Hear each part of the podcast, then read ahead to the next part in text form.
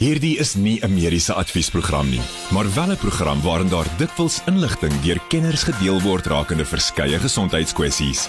Vir persoonlike raad of advies, raadpleeg jou mediese dokter of sielkundige.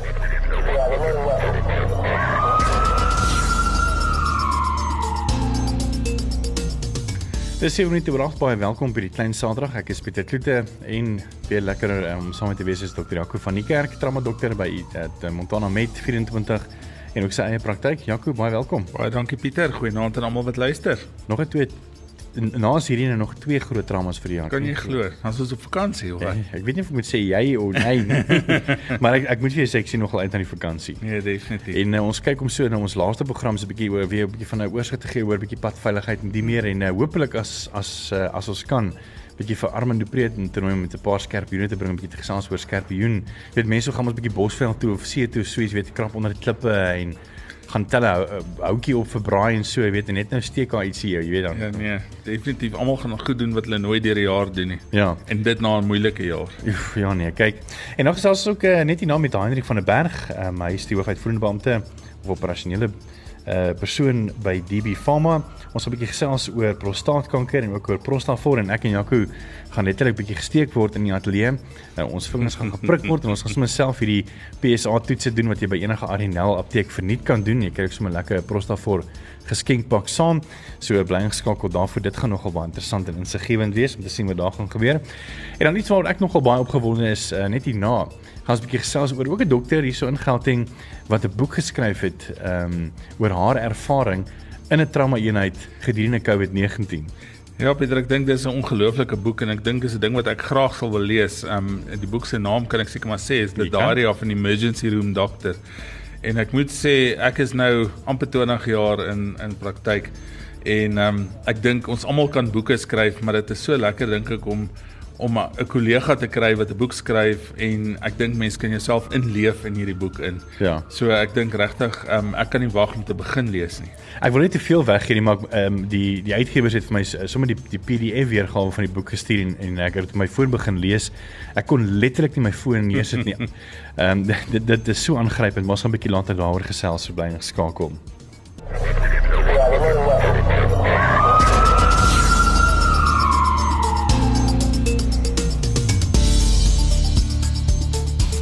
Dit is so lekker om vir Hein van der Berg hier by ons te hê. Hy is die hoofuitvoerende beampte van uh, DB Pharma. Jy het al die advertensies op radio gehoor oor Prostavor. Ehm um, en ons gaan vanaand ek en Jaco gaan sommer vanaand bietjie gesteek word in die ateljee deur die nimmerlike uh Esmeralda Burger uh, wat 'n gekwalifiseerde nurse is, jy weet, 'n verpleegster. So uh, ons is in goeie hande. Hoop ek. So sy gaan hoop so want sy gaan ons seer maak, loop Pieter. ja. So gedurende die maand van November en daar's nog kans as jy wil gaan, gaan jy my nou steek. Hey, hey. Ah! Jo. My wik vir jou hoor. Hy hy hy wik. So terwyl sy in die bloed uit my hand uit trek, gaan ons van, van hierdie toetse doen wat jy gratis kan kry by enige Arena apteek landwyd uh tot die einde van November en dis deel van prostaatkanker bewusmakingsmaand. En wat jy doen is jy gaan net na Arena apteek toe, dit is net baie eenvoudig en jy gaan na die ehm um, die suster of of daar's altyd 'n suster aan diens en jy gaan net na haar toe uh en jy vra net vir hoorie jy, jy jy het gehoor ons kan 'n gratis PSA toets doen en sy nooi jou met liefde in uh om uh die toets te doen is letterlik net 'n prik 'n prikkie Dis mens baie bloed wat hier uitkom, ek weet nie dit is op dit is 'n bandage. Pieter ons moet ons moet nou begin dink aan bloedingsbeheer. Bloedingsbeheer. Ons nou nie 'n bloedbad veroorsaak nie. ja. So so jy vra net vir die net vir die sister vir 'n lekker gratis toets en dan saam met hierdie gratis PSA toets, ehm um, kry jy dan ook 'n lekker pakkie ehm um, Prostavor waar ons nou 'n bietjie gaan gesels oor wat hierdie produk behels en die meer saam gratis en verniet. En dit is belangrik om te weet ehm um, Jaco, weet om om om te weet oor jou ehm um, waaroor gaan 'n PSA toets? Kom ons begin sommer daaroor. Wat is die doel van 'n PSA toets? Pieter, PSA staan vir prostaat spesifieke antigeen en dis eintlik 'n tumormarker. So dis 'n baie lekker en 'n baie goeie toets om um te sif ook vir prostaatkanker. Nou daar's altyd die die ding gewees van as jou PSA of jou prostaat spesifieke antigeen onder 4 is, is dit normaal as dit tussen 4 en 8 is, dan sal mens nou daai uh, veel bevreesde rektale ondersoek saam met 'n um, sonar dalk doen en as dit dan bo 8 is, dan is daar maar biopsies en daai klas van ding by betrokke. En um, ek wag nou dat Esmeralda my steek en klas Steek hom, want papi. Ek is bang ek praat lelik. Ehm um, daar is deesdae wat ons ouderdoms geassosieerde PSA waardes kry. So hoe jonger jy is, hoe laer ons die PSA waarde en mens laat toe verhoor waardes as 'n 4 ehm um, by ouer persone. Die groot ding is baie mense toets nou hulle PSA en dan is hulle PSA nou byvoorbeeld 4.6 en hulle het slaaplose nagte, het ek nou prostaatkanker en dit is nie altyd die waarheid nie. So mense moet mooi gaan onderskei tussen die drie algemeenste siektes van prostate waarvan die eerste is gewone prostatitis waar jy 'n bakterieële infeksie van die prostaat kan kry. Dit kan akuut of kronies wees, of so korttermyn of langtermyn aantasting. Dan kry jy benigne prostaat hiperplasie. Ons gaan nou-nou baie meer daaroor praat, ehm um, waar die prostaat letterlik net vergroot en is 'n ongelukkige ding wat almal van ons oor tyd gaan gaan beleef is is vergrote prostate wat geensins kankeragtig is nie en dan kry jy nou jou prostaatkankers. So die feit dat jy 'n 'n enkele verhoogde prostaat of 'n PSA waarde het, beteken ook nie noodwendig die skrif is nou teen die muur nie. Um, mens moet dan verder gaan ondersoek en en kyk of selfs net opvolg. Um, so daar's ander oorsake ook vir PSA waardes wat dan kan opgaan. Hein, hoor 'n bietjie na jou toe. Um, ek is nou baie nuuskierig om te weet wat is prostavor en wat dit doen. Uh dankie Pieter. Ehm um, so prostavor is uh, ek gaan ek gaan nou nie die hele lange storie vertel nie. Prostavor is 'n is 'n natuurlike aanvulling wat wat uh, spesifiek daarop fokus om die simptome van 'n vergrote prostaat ehm um, te verlig. So ehm um, Jaco het nou gepraat van van die PSA ehm um, en hier is nou spesifiek die die vergrote prostaat. So die simptome wat daarmee wat daarmee saamgaan uh, vir vir die manne wat nog nie weet nie, die ouer manne sal al weet is uh, as jy bietjie sukkel om uh te urineer, ehm um, jy sukkel om te begin, jy sukkel om op te hou, dis soms bietjie seer. Ehm um, jy staan gereeld op in die nag uh uh om te urineer en so aan. En dan is daar ook goed wat daarmee saamgaan soos verlaagde libido en so aan. So prostavor is ontwikkel om die die simptome van 'n vergrote prostaat te behandel. Daar's nou 'n paar goed daarmee saam wat wat 'n uh, bietjie cholesterol uh verbande, jy weet, voordele het en so aan. Maar die groot fokus om daai simptome wat ek nou net genoem het uh te verlig. Ehm um, so hy dit is deel van 'n leefstyl uh is 'n leefstylproduk ehm um, vir weet ons sê vir mans hier van 40 af maar uh, ek seker Jaco sal ook nou-nou sê die die daai die vergrote prostaat issue sien ons veral in Afrika begin al hier laat in die 20s uh, uh soms so so die ouderdom word ongelukkig al hoe jonger um, en dit is nie iets wat jy kan keer nie. Ons almal gaan dit kry. Ek dink die statistiek is in die ouderdom 70 gaan 90% van mans vergrote uh, prostate en die simptome daarvan hê. So lank en die kort uh, prostavor is 'n is 'n natuurlike uh aanvulling vir jy weet wat die simptome van 'n vergrote prostaat verlig. Maar mans hoef nie net ehm um, jy weet hoef nie net prostavor te gebruik as hulle dink hulle het 'n vergrote prostaat nie. Ek hulle kan dit mos gebruik maar Ja. ja. as weet amper soos 'n multivitamiin as Ja. voorkoming ook Ja. nie waar nie. Ja, so so dis altyd maar beter om om vroeër te begin om na jouself te kyk. Ehm um, so en Jaco sal ek nou-nou vertel, een van die groot goed is maar gesondheid. Uh so hulle kan nog nie presies sê presies hoekom dit gebeur nie, uh, hoekom die prostaat vergroot nie, maar ehm um, dieet en gesondheid het 'n groot daar uh, weet 'n groot deel uh daarmee te doen. En as jy dan kyk na die bestanddele van prostavor het het 'n hele paar uh, antioksidante, minerale en so aan in. Maar wat spesifiek uh, gebaseer is op navorsing wat toon uh jy weet dat dit voordelig sal wees vir 'n vergrote prostaat. So ons sou aanraai soos wat jy sê, jy weet begin dit vroeër drink. Ehm um, as jy uh, en dis ook hoekom ons nou jy weet die Arinel ehm um, uh veldtog hardloop is om om om geloofwaardigheid te kry in die eerste plek want ons gee dit verniet weg so niemand hmm. hoef vir daar te koop nie. Ehm um, en en begin vroeg uh jy weet eerstens uh, jy weet as jy as jy nooit 'n vergrote prostaat het nie wat highly unlikely is dan dan goed vir jou. Ehm uh, maar begin dit so vroeg as moontlik drink is 'n gesonde aanvulling. Hoekom juist prostavor en nie 'n ander produk nie? Wel dit is 'n dit is 'n vraag wat ek baie versigtig gaan antwoord. Ehm um, so ons kyk Prostavor is op die mark al van 2004 af. Ehm um, uh, gewoonlik uh, as ek arrogant genoeg mag wees om te sê verdwyn uh, hierdie tipe produkte na 'n paar jaar want uh, mense kom nie terug om dit te koop nie. Ehm um, so die produk is uh, jy weet is nie jou goedkoopste produk op die markie. Ehm um, maar mense kom terug, uh, mans kom terug om dit te koop. Ons het ons het duisende mans in Suid-Afrika wat aanhou terugkom om te koop en jy kan net vir so lank iemand flous met 'n produk wat nie werk nie. Mm. So uh, dis hoekom ons aanraai proste word you know, word die res. En net so laaste vraagie, um, want jy het nou klaar gesê want ek wou net vir gevra het weet hoe oud moet mense begin om om Prostafort te drink, maar mense kan net maar op jonger, ek meen jy het gesê in in Afrika uh is dit al van so vroeg as 20 jaar oud. So ja. uh, wat kos Prostafort en wat jy nou kan net verniet kry. So ouens asseblief gaan doen daai gratis PSA ja. toets nog vir hierdie uh hierdie week van die einde van die maand um, dan gaan dit begin geld kos. So doen dit verniet by enige arena apteek. Maar wat kos Prostafort oor die algemeen en en waar is dit beskikbaar? So Prostafort uh, gaan jou kos afhangende van by watter apteek uh, jy dit koop. Party apteke is duurder as as ander uiteraard. Gaan jou kos tussen 250 kom ons sê 280 rand. Uh, dis vir 'n maand se voorraad, dis 60 kapsules. Ehm um, en dan wat baie belangrik is vir mense om te weet is dat ehm um, Prostafort 'n nappy kode. Oh, okay. So dit is die kode wat wat die mediese fondse gebruik uh om te kyk of hulle daarvoor kan betaal. Meeste van die mediese fondse betaal vir Prostawor. So ehm um, indien jy weet die die pryse bietjie duur is vir jou, vra jy apteker of hulle dit uh, deur die medies kan sit. Ehm um, indien die medies dit nie totaal gaan betaal nie, sal hulle 'n deel daarvan betaal. So dis jy weet dit is maar jou beste opsie. Ehm um, en dan ja, so dis dis oral beskikbaar. Dit is by die Arinel apteke want ons doen nou die veldtog daar. Ehm um, jy weet ek wil nie te veel in in die name ingaan nie, maar maar die grootes, die kleintjies, ehm um, hmm. gaan jy dit om elke hoek en draai kry. Ehm um, en jy weet baie mense weet ook nie dat as jy nie 'n produk op die rak sien nie, beteken dit net dat daai apteek um, soms nie groot genoeg is om al die produkte wat daar bestaan op hulle rakke te hou nie. En dan vra jy vir hom. Ja, dan gaan vra jy vir hom. Jy vra die apteker om dit vir jou te bestel.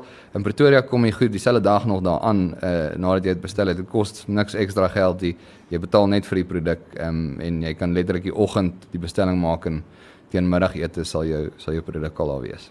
So ek en Jaco het nou hierdie toetse gedoen. Ons het geprik en alles en ehm um, ek wil net bysê dat as jy hierdie toetse gaan doen word jy doen jy dit in die ehm um, die gemak van die die suster in 'n toekamer. So weet as jy skaam voel of enigiets of jy is bang, weet mense mense wil mos maar nie op op die spot gesit om sê o ja, daai gaan weer vir 'n prostaattoetsie of iets nie, weet. So dit word baie sensitief hanteer en natuurlik is weet enige mediese inligting van jou ehm um, word konfidensieel gehou. So as jy voel dat jy graag nie weet hierdie wil deel met iemand nie, dan hoef jy nie te deel met iemand iemand nie en die sitter sal dan ook so ehm um, eties hanteer. So ehm um, dit kom nou natuurlik na my toets. So Jaco, jy moet myself besluit of jy dit op lig wil deel jou uh jou mediese uitslag. maar ehm um, myne sê ek het 'n streepie op beteken ek is swanger. Nee, grap. Nee.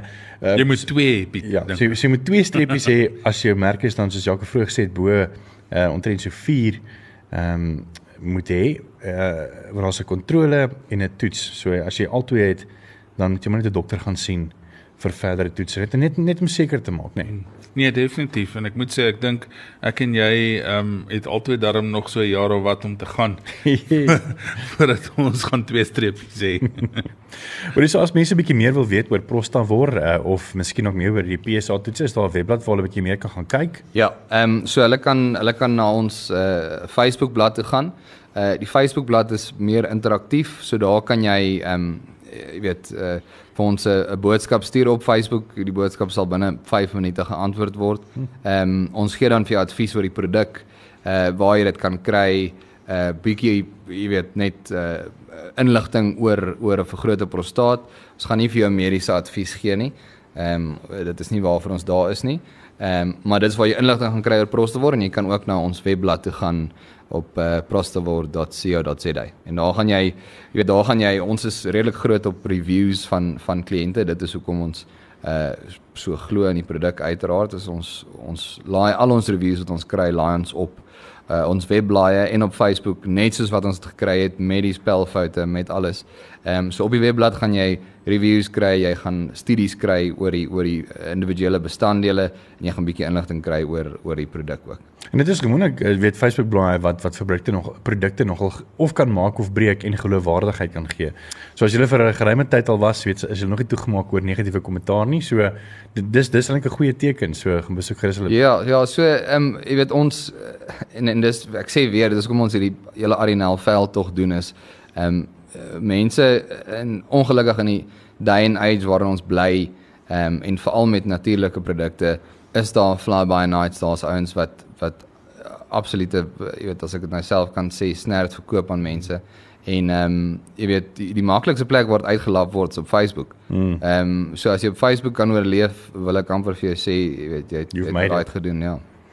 Dis Heinrich van der Berg, almal ken hom as Hein en um, hy is die hoofuitvoerende beampte van DB Pharma en uh, ons 'n bietjie gesels oor Prostavor en ook daai gratis toets ek kan weer vir jou manne asseblief dis gratis. Dit vat letterlik nie eens 5 minute uit jou dag uit nie en dan kry jy sommer 'n lekker um, geskenkpak van Prostavor ook uh, wat jy kan gebruik daarna. So besoek gerus enige Arena apteek nog voor einde volgende week maandag um, en gaan doen daai toetse gratis verniet mahala. Ons is net hier na weer terug. So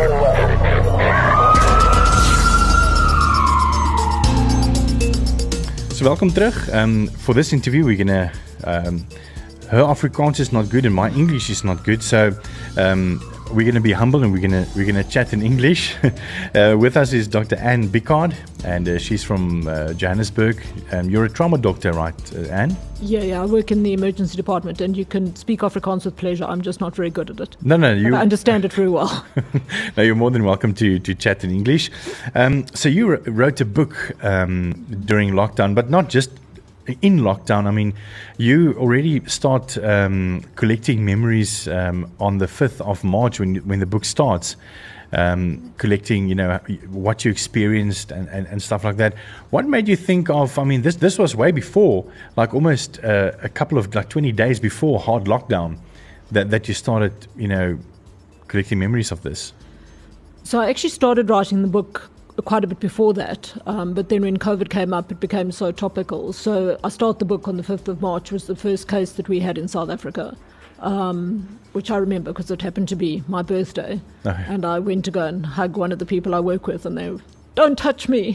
COVID is here. Oh my word! So that was a, um, a memory for me. Um, but yeah, I started writing quite a bit before the COVID epidemic, and then it just became really topical. But I didn't want to make the book only about COVID because I think that that can get overwhelming, and certainly was pretty tiring for us. Is still pretty tiring. We're sort of a bit over the virus now, you know. Yeah. So, um, you know, if you only write about that, I think it can be pretty relentless. Certainly feels relentless to us on the front line. Yeah, but that's also what I liked. And when I started reading the the book, um, the book's name is just, by the way, and write this down quickly, is The Diary of an Emergency Room Doctor by Dr. Anne Bickard. Uh, but what I liked about the book is is that you you know almost like started off like you know talking about COVID and the, you know the lockdown on your birthday, which, which was the fifth of March, but then also documenting some of the other things that happened. You know, some lighthearted stuff, but also some serious stuff. I mean, one of the the things that hooked me that I literally went to bed at I think just before twelve on Monday night, when I had to put down my phone, was um, when you wrote about you know going to emergency room. There was this thirteen year old girl uh, bleeding profusely, and you you know and the mother was there, and you couldn't you know tell her that listen, but this girl, even though she's thirteen, you suspect that she's pregnant. You know, like like stories like that just stuck you know with me as reader, and also what makes it so personal is that it feels like I'm in your shoes because you wrote the book in the first person. So I try to write the book kind of as life unfolds because that's how it is in the emergency department. You never know what's going to come through the door. And in retrospect, anything seems obvious. So the person who's there on their own at two o'clock in the morning has to make a decision. And it's you and the patient and your judgment call. The next day, it's pretty easy to look at the blood results and have a 10 specialists input, and everybody second guesses you. So, I think what I was trying to do is to let the reader ex- sort of experience how it is to be literally anything can happen at any time, and that's how life unfolds in the first person right now. Mhm. It reminded me of um, a story that uh, Dr. Yaku once also told about when he was doing his um, his community work in uh, Carolina. You know, uh, as the only doctor, you know, and they all look up to you, you know, and and like you know, in the uh, if there's a bus accident and 50 people come and you are the person that have to make the decisions, you know, even though that you've just finished studying, you know, and the people are looking up to you, you know, and Yeah. stuff like that. So, in some ways, the system gives people a bit more training now because of community service. So, when I qualified, we didn't have community service. So, one day you were a medical student, and the next day you're the doctor.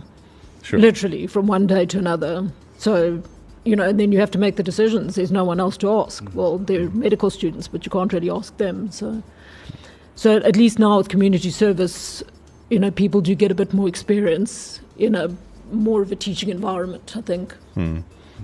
And just coming back to the book, um, Saving a Stranger's Life, uh, The Diary of an Emergency Room Doctor, uh, with Dr. Anne Picard, uh, there was obviously some light-hearted um, moments, but also, you know, some touching moments, you know, that, that really um, hit hard, you know, that's really heartfelt.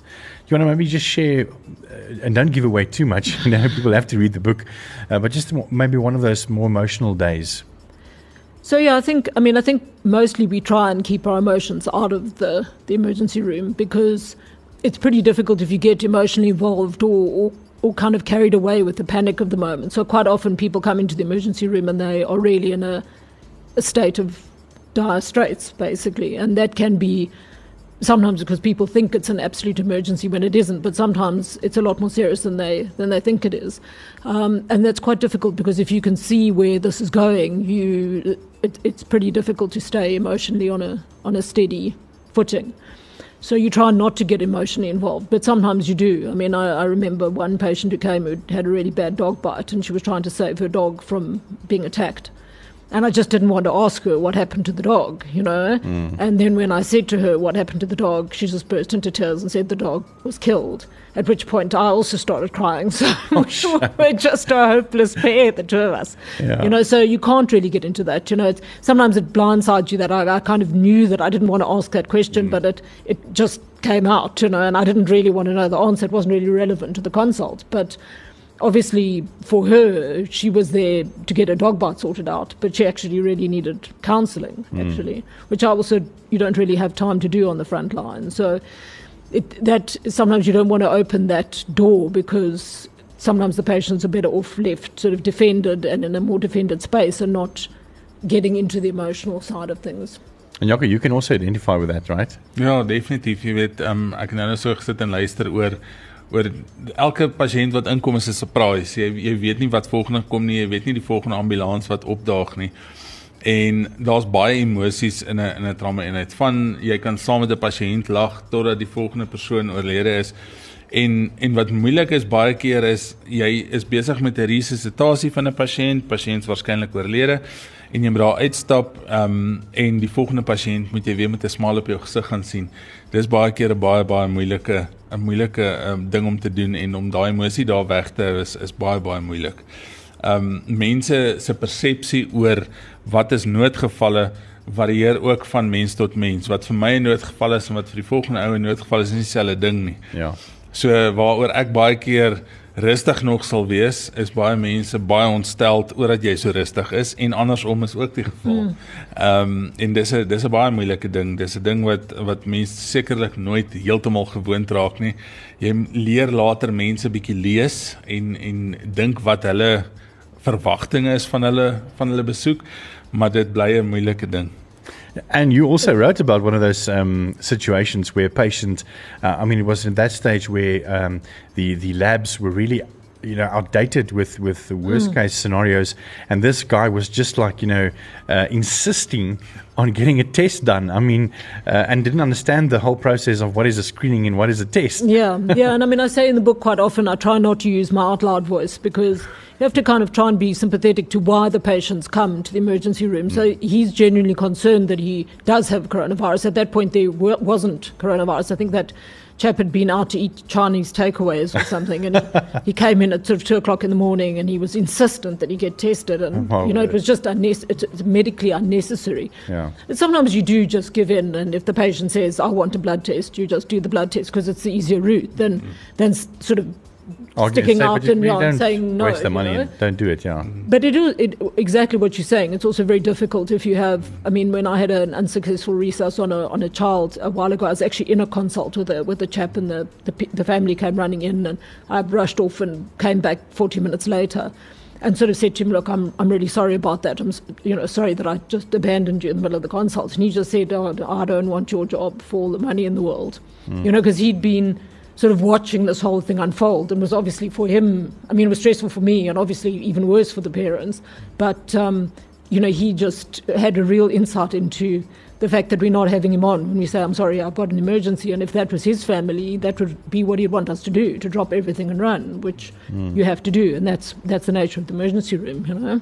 Wat dit nog baie keer moeilik maak. Ek kan onthou ook van 'n resusitasie wat ek op 'n dink dit is 'n 4, 5 jarige kind wat met 'n quadbike raak gery is, um gedoen het en die kind was so op die einde daar sy letterlik ek sê sy dood daar aangekom, maar die die familie het dit nie geglo nie. So ons het probeer en um, daai ouers het het op 'n stadium so 'n band met jou probeer vorm. Jy weet maande na die tyd dan loop jy die hospitaal uit en dan sien jy die ma sit daar in die parkeerarea so net vir ietsie vra want volgens hulle is jy die laaste een wat daai persoon lewendig gesien het. Eintlik het jy nie, jy kon nie kommunikeer nie. Jy weet nie of daar seer was of nie seer was nie. Jy het nie die antwoorde vir daai mense nie, maar hulle hulle probeer aan jou bind baie keer om vir hulle antwoorde te gee of jy dit het of nie. En ek dink dis ook 'n baie moeilike ding hmm. en dit vat baie keer baie lank vir daai mense om om afstand te doen van dit. Ons het net nou verder nog 'n bietjie verder gesels oor hierdie boek Saving a Stranger's Life: The Diary of an Emergency Room Doctor, geskryf deur Dr. Anne Bickard. En ehm um, definitief 'n boek om te lees vir die Desember vakansie. Ons gaan 'n bietjie later net hier hierna weer 'n bietjie verder daaroor gesels. Met die volgende program bo Groot FM 90.5 om jou as luisteraar met die nodige inligting oor 'n spesifieke onderwerp te voorsien. Alhoewel hierdie inligting dikwels deur 'n kenner op die gebied gedeel word, word jy aangemoedig om jou mediese dokter of sielkundige te besoek vir persoonlike advies of raad. Welkom terug by Groot Trauma. Ek is Pieter Kloete saam met Dr. Janko van die Kerk en ook Dr. Anne Bicard. Ehm um, sy is skrywer van die boek Saving a Stranger's Life: The Diary of an Emergency Room Doctor. Uh en hierdie boek is regtig ek het ek het so begin lees aan hom dat ek maandag ongelukkig eers gekry.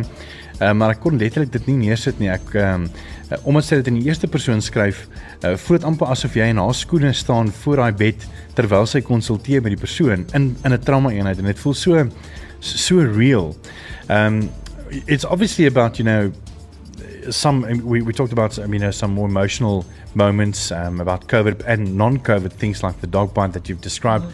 but there's also some light-hearted um, events as well. Maybe if you want to you know just highlight one little bit more of a, of a light-hearted situation that happened. Um, I think mostly one tries not to come across sarca- sort of sarcastic with the patients, but um, sometimes you just want to shake your head. I mean, I, I, had one lady who came with her husband. The husband was having a heart attack. He was actually fine with the fact that he was having a heart attack. I explained everything to him. I drew everything, and he was he was on the right page, and he signed the consent to go to the cath lab, and everything was fine. And when his wife came in, she said to me, "Oh no, no, no! He's only got reflux. Just tell him it's reflux." I said, I can't tell him it's reflux. He's having a heart attack. He knows he's having a heart attack.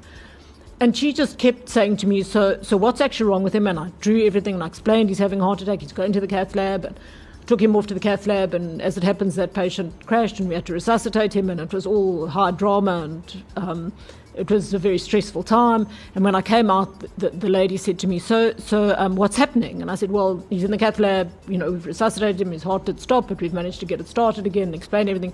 And then she said to me, "So, so doctor, so, so what's actually wrong with him?" oh, and I, I just stood there and thought, "I, I can't believe this lady."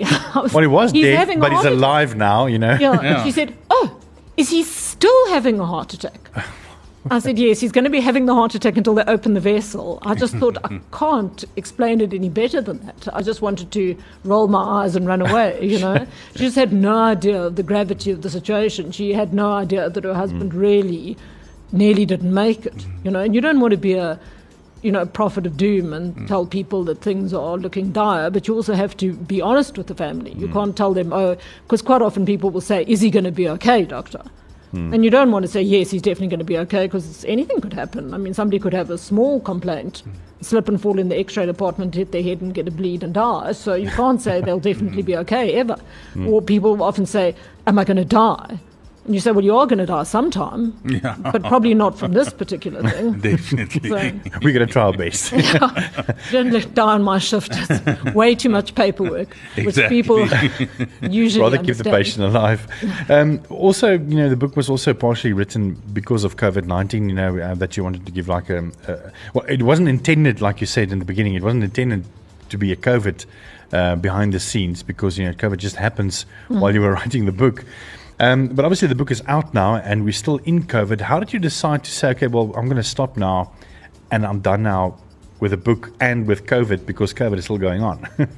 so there was a time after about four or five weeks of the, the very busy time of COVID. So when it when we started waiting for the virus to arrive, we were already we were all running around trying to get ready. We weren't really sure what we were getting ready for, but we were getting ready, and we had all of the ventilators set up and everything was waiting, and then nothing happened and nothing happened and nothing more happened and we began to wonder what on earth was going on. And I mean, then there was suddenly also a time where you actually had to I think you, you, you wrote that you googled how many ventilators there was in Gauteng I think yeah I was googling a lot of things during COVID and you're on a whole lot of groups and and everybody's obviously aware of mm. of what's coming. So it's not like the medical profession doesn't know that there's a wave headed our way and we're all running around trying to make sure that we're ready for the wave.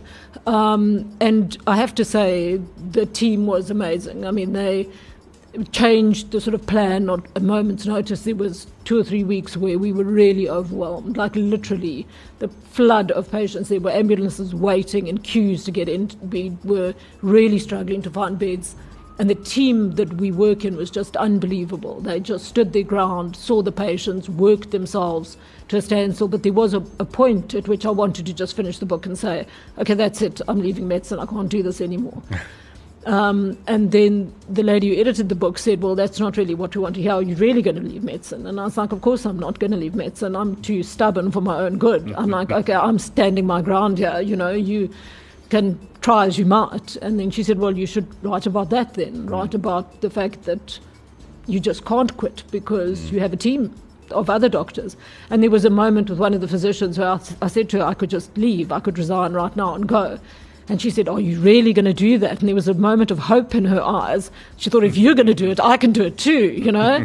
and I said, I can't. I can't do that. We can't do that. We have to stay here. We owe it to each other and we owe it to the people who are coming in. So we just have to take it on the chin.